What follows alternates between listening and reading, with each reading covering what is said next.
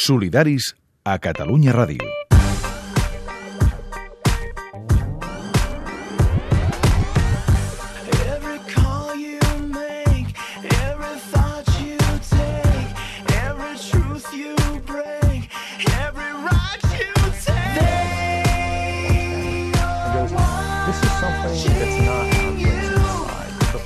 Aquesta setmana vivíem un nou episodi de les escoltes telefòniques i de l'espionatge dels Estats Units a dirigents europeus. Un cop més, per les filtracions de Wikileaks, coneixíem que els Estats Units van espiar en els tres últims eh, tres presidents de França, a Jacques Chirac, a Nicolas Sarkozy i a François Hollande, entre l'any 2006 i l'any 2012, fet que ha indignat la classe política francesa. Les converses gravades pels Estats Units confirmen fins a quin punt Washington espiava les comunicacions dels seus suposats aliats. Aprofitant aquesta notícia, ens agradaria parlar de com l'espionatge massiu, aquesta vigilància de les comunicacions per part dels Estats Units pot vulnerar els drets humans i com pot afectar també l'activisme de drets humans, perquè ara és notícia que espiïn Hollande o abans Merkel, però els espiats som tots i cadascun de nosaltres.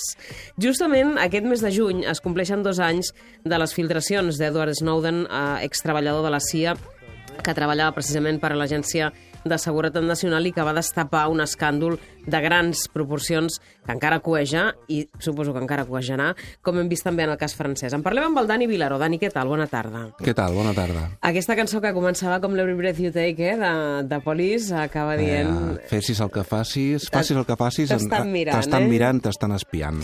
Quan parlem de vigilància massiva de les comunicacions, d'aquest espionatge de les agències governamentals dels Estats Units, de què estem parlant? Quin és l'abast de la cosa? Estem parlant de- d'un problema molt gros, eh? que potser molta gent no n'és no, no n'és conscient. No? És el, el control i la vigilància de totes les comunicacions per internet eh, i telefòniques també d'un gran nombre de persones i a més que es practica de manera indiscriminada, de vegades s'espien països sencers, és a dir, totes les comunicacions d'un país sencer i, i sense que hi hagi indicis o proves eh, que, que aquelles persones espiades eh, hagin comès algun crim o algun delicte, sinó simplement se les espia per tenir informació, per, per, per tal de- d'aconseguir informació.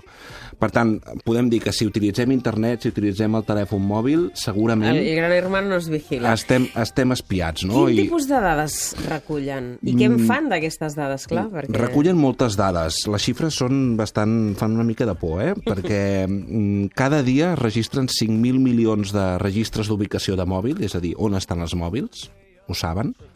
Cada dia també es comparteixen 200 milions de missatges de text entre Estats Units i Gran Bretanya, que col·laboren amb aquesta qüestió, i, i per tant eh, eh, ho, ho envien, ho espien tot, no? I què fan amb això? Ho emmagatzemen, ho analitzen, ho posen en bases de dades i ho tenen allà a disposició de les agències de seguretat, del, dels espies, per entendre'ns, eh, per si ho han d'utilitzar. I, I no sé si algú ens està escoltant i és molt aprensiu, o tu, Rita, però... No, no, jo... Però Gens. espien eh, els nostres whatsapps, els nostres correus electrònics, poden activar un cop han entrat en un ordinador les webcams poden engegar-les, els micròfons dels telèfons mòbils també els poden engegar. Sí, És tu estàs a casa teva tranquil·lament i poden engegar el webcam del teu ordinador sense que, que tu ho sàpigues. si és un ordinador del, en el qual ja, ja han accedit a través Ahà, de- d'aquests ahà. programes. És a dir, eh, això es fa, eh? Això no només ho fan els Estats Units, perquè a vegades sempre mm, senyalem allò, el gran espia universal.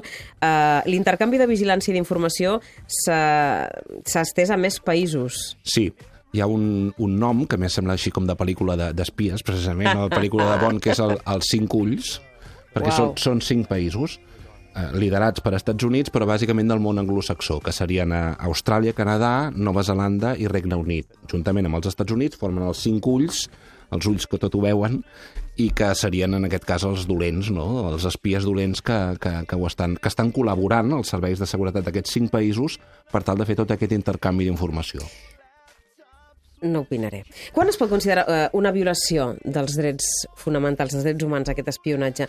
Quan això que fan deixa de ser legal? Clar, aquí hi ha un component legal, Clar. perquè, evidentment, les agències de seguretat Clar. el que han de fer és recopilar informació i poden, i poden tenir els mecanismes i les eines per fer-ho. Quan deixa de ser legal? Quan això es fa indiscriminat, com dèiem, és a dir, quan, quan afecta a, a, a molta gent simplement per recopilar informació, uh -huh. quan no hi ha una ordre judicial, evidentment, quan això no ho ha ordenat un, un, un jutge, eh, i quan, i quan no, no hi ha cap indici que s'ha comès cap, cap conducta criminal. No? En aquest cas seria il·legal. Però a més, eh, eh, tot i fer-se legalment, també entraríem als termes ètics de, de com atempta això al dret a la privacitat o al dret a la intimitat de, de, de, De nosaltres quan, persones, quan, estem a, mhm. quan estem a internet. No? I després també una limitació important que és la, la llibertat d'expressió, no? que, que és bastant fonamental, un dret fonamental, que seria, clar, si tots sabem que estem espiats, que tot el que fem pel mòbil, que tot el fem per correu electrònic està sent espiat per algú, potser nosaltres mateixos ens limitarem a l'hora d'expressar-nos per, per canals d'internet perquè tenim por precisament Clar, de ser vigilats clar, o de ser espiats clar. o d'acabar sent condemnats per vés a saber quina, quina maniobra legal. No? I per tant, té moltes dimensions també, de part del legal i il·legal, mm, ètiques no? o, o, o morals, si vols. Ara faig aquella típica frase que m'han fet a mi alguna vegada. Escolta'm, jo sóc una persona normal, no he fet mai res, no he fet res dolent. L'espionatge funciona perquè pot evitar molts problemes i molts atemptats terroristes a nivell mundial. Um, a mi no em fa res que m'espiïn. Clar, juguen a això, precisament, no? Aquest és, és just el problema, no? Que eh, el, els nostres polítics diuen que necessiten més poders per tal de prevenir els atemptats o prevenir la lluita, per donar suport a la lluita contra el terrorisme, però mm, també hem de veure quins són els resultats d'aquesta vigilància massiva. El, poso exemples, eh? els atemptats de Charlie Hebdo. Resulta que després sabem que eh, s'havia espiat, els, els, o sigui, se'ls coneixia, estaven a la base de dades, és a dir, havien format part d'aquesta vigilància massiva, però no va arribar a, a, A ser eficient a aquest espionatge, per dir-ho d'alguna manera, aquest no? Mhm. espionatge, i per tant, eh, o també va passar amb els atemptats de, de Madrid del, dos, del 2004, que també eren gent que més o menys se sabia qui eren per part dels serveis secrets espanyols. Per tant, eh, no hi ha una quantitat de dades que ens permeti prevenir... Dir que això funciona. Clar, i per tant, si no funciona, per què ho fem, no? I a l'altra banda, per exemple, mm, aquests senyors que van cometre aquests atemptats a, a la seu de, del setmanari francès o els atemptats de Madrid eren persones que finalment, efectivament, van cometre un delicte sagnant i, i absolutament reprovable. Però aquest espionatge també pot afectar l'activisme pro drets humans, aquelles persones que sí que eh, fan un activisme polític en un context, per exemple, de dictadura, de repressió, de manca de llibertats... Clar, aquest és un, un, un dels punts bàsics, no? Qui utilitza la tecnologia, en aquest cas els governs, i per què la utilitzen, no? Perquè, clar, se'ns diu, eh, això es fa per fer el bé, no? O per prevenir atemptats, o per... O Això és per... el que se'ns diu sempre quan Clar, es vol justificar però, alguna cosa. Però no tots els governs fan les coses bé, i en tenim moltíssims exemples majoria. de governs que no han fet les coses bé, fins i tot en temes de, vinculats a seguretat, a lluita contra el terrorisme, no? Els Estats Units, per exemple, han torturat massivament i, per tant, no, jo confiar cegament que els governs ho faran bé eh, i donar tota aquesta carta blanca, diguem, a, a aquest espionatge indiscriminat de persones, em sembla que és com a mínim dubtós, no? I, i hauríem de, de, de girar una mica la truita, no? És a dir, escolta, i si jo no sóc un delinqüent, per què m'han d'espiar? Si no permetem això, que vinguin a casa nostra o que ens espiïn aquí al costat, que tinguem una persona que ens està escoltant, doncs per què ho permetem en, en l'online, no? O, o, o a internet. A internet sembla que les coses queden lluny, Sí, que no ens afecten, que no ens afecten. i han entrat a sac. I llavors a, a, aquí ara el debat és aquest, no? Si hem de posar límits o no a, aquest, a aquesta qüestió.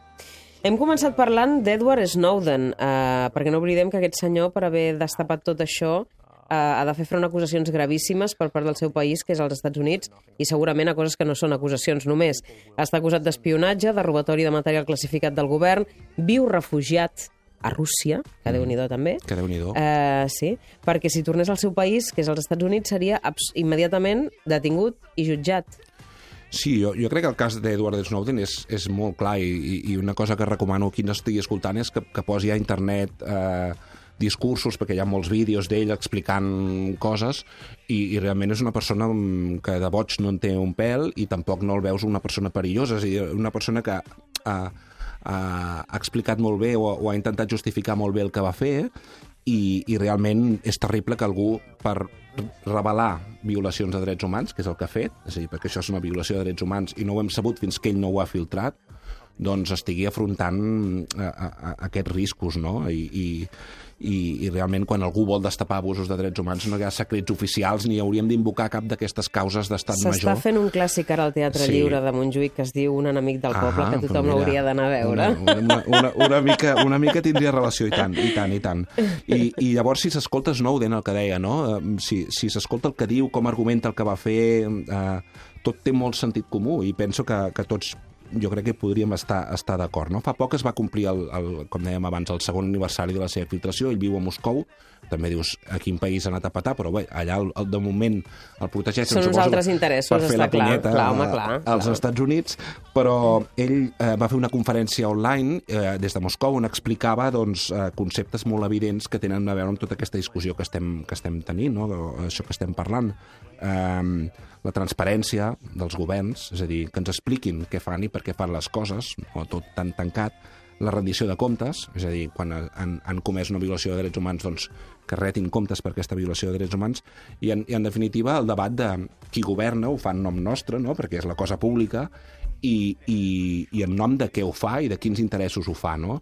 I ell ho explicava molt bé, és un tall una mica llarguet, té un, és un minut, però ho explicava molt bé i penso que val la pena tancar aquesta conversa amb escoltar. That Aquesta és la diferència que ajuda a la transparència, a la societat. La diferència és que els governs tindran millor qualitat si reten comptes a la gent, i això no té res a veure amb considerar que les agències de seguretat són el dimoni o que els programes de vigilància són terribles i que no fan res de bé. Està clar que necessitem un determinat nivell d'intel·ligència. Volem que s'investiguin els criminals, que puguem respondre amenaces militars, etc. Però tot això queda molt lluny d'haver d'espiar tothom en una societat sense tenir en compte si se sospita que són innocents o culpables i sotmetre a la vigilància massiva poblacions senceres en comptes de persones individuals. Això és una cosa que en qualsevol cas, si decidim que ha de ser així i que hem de permetre-ho i fer-ho legal o no, és una decisió que fonamentalment hem de decidir entre tots, després d'un debat públic i no pas que ho decideixin uns tècnics o uns oficials de seguretat tancats rere una porta. doors. Més clar l'aigua, no? Jo ho trobo claríssim, I, Rita. i bastant impecable. Sí. Dani Vilaró, moltes gràcies. A vosaltres. I tornem a parlar la setmana que ve? Sí, per, pel comiat, no? Vinga. Els solidaris a la xarxa. Seguiu-nos a facebook.com barra solidaris, al twitter arroba solidaris guió baix CR i al web catradio.cat barra solidaris.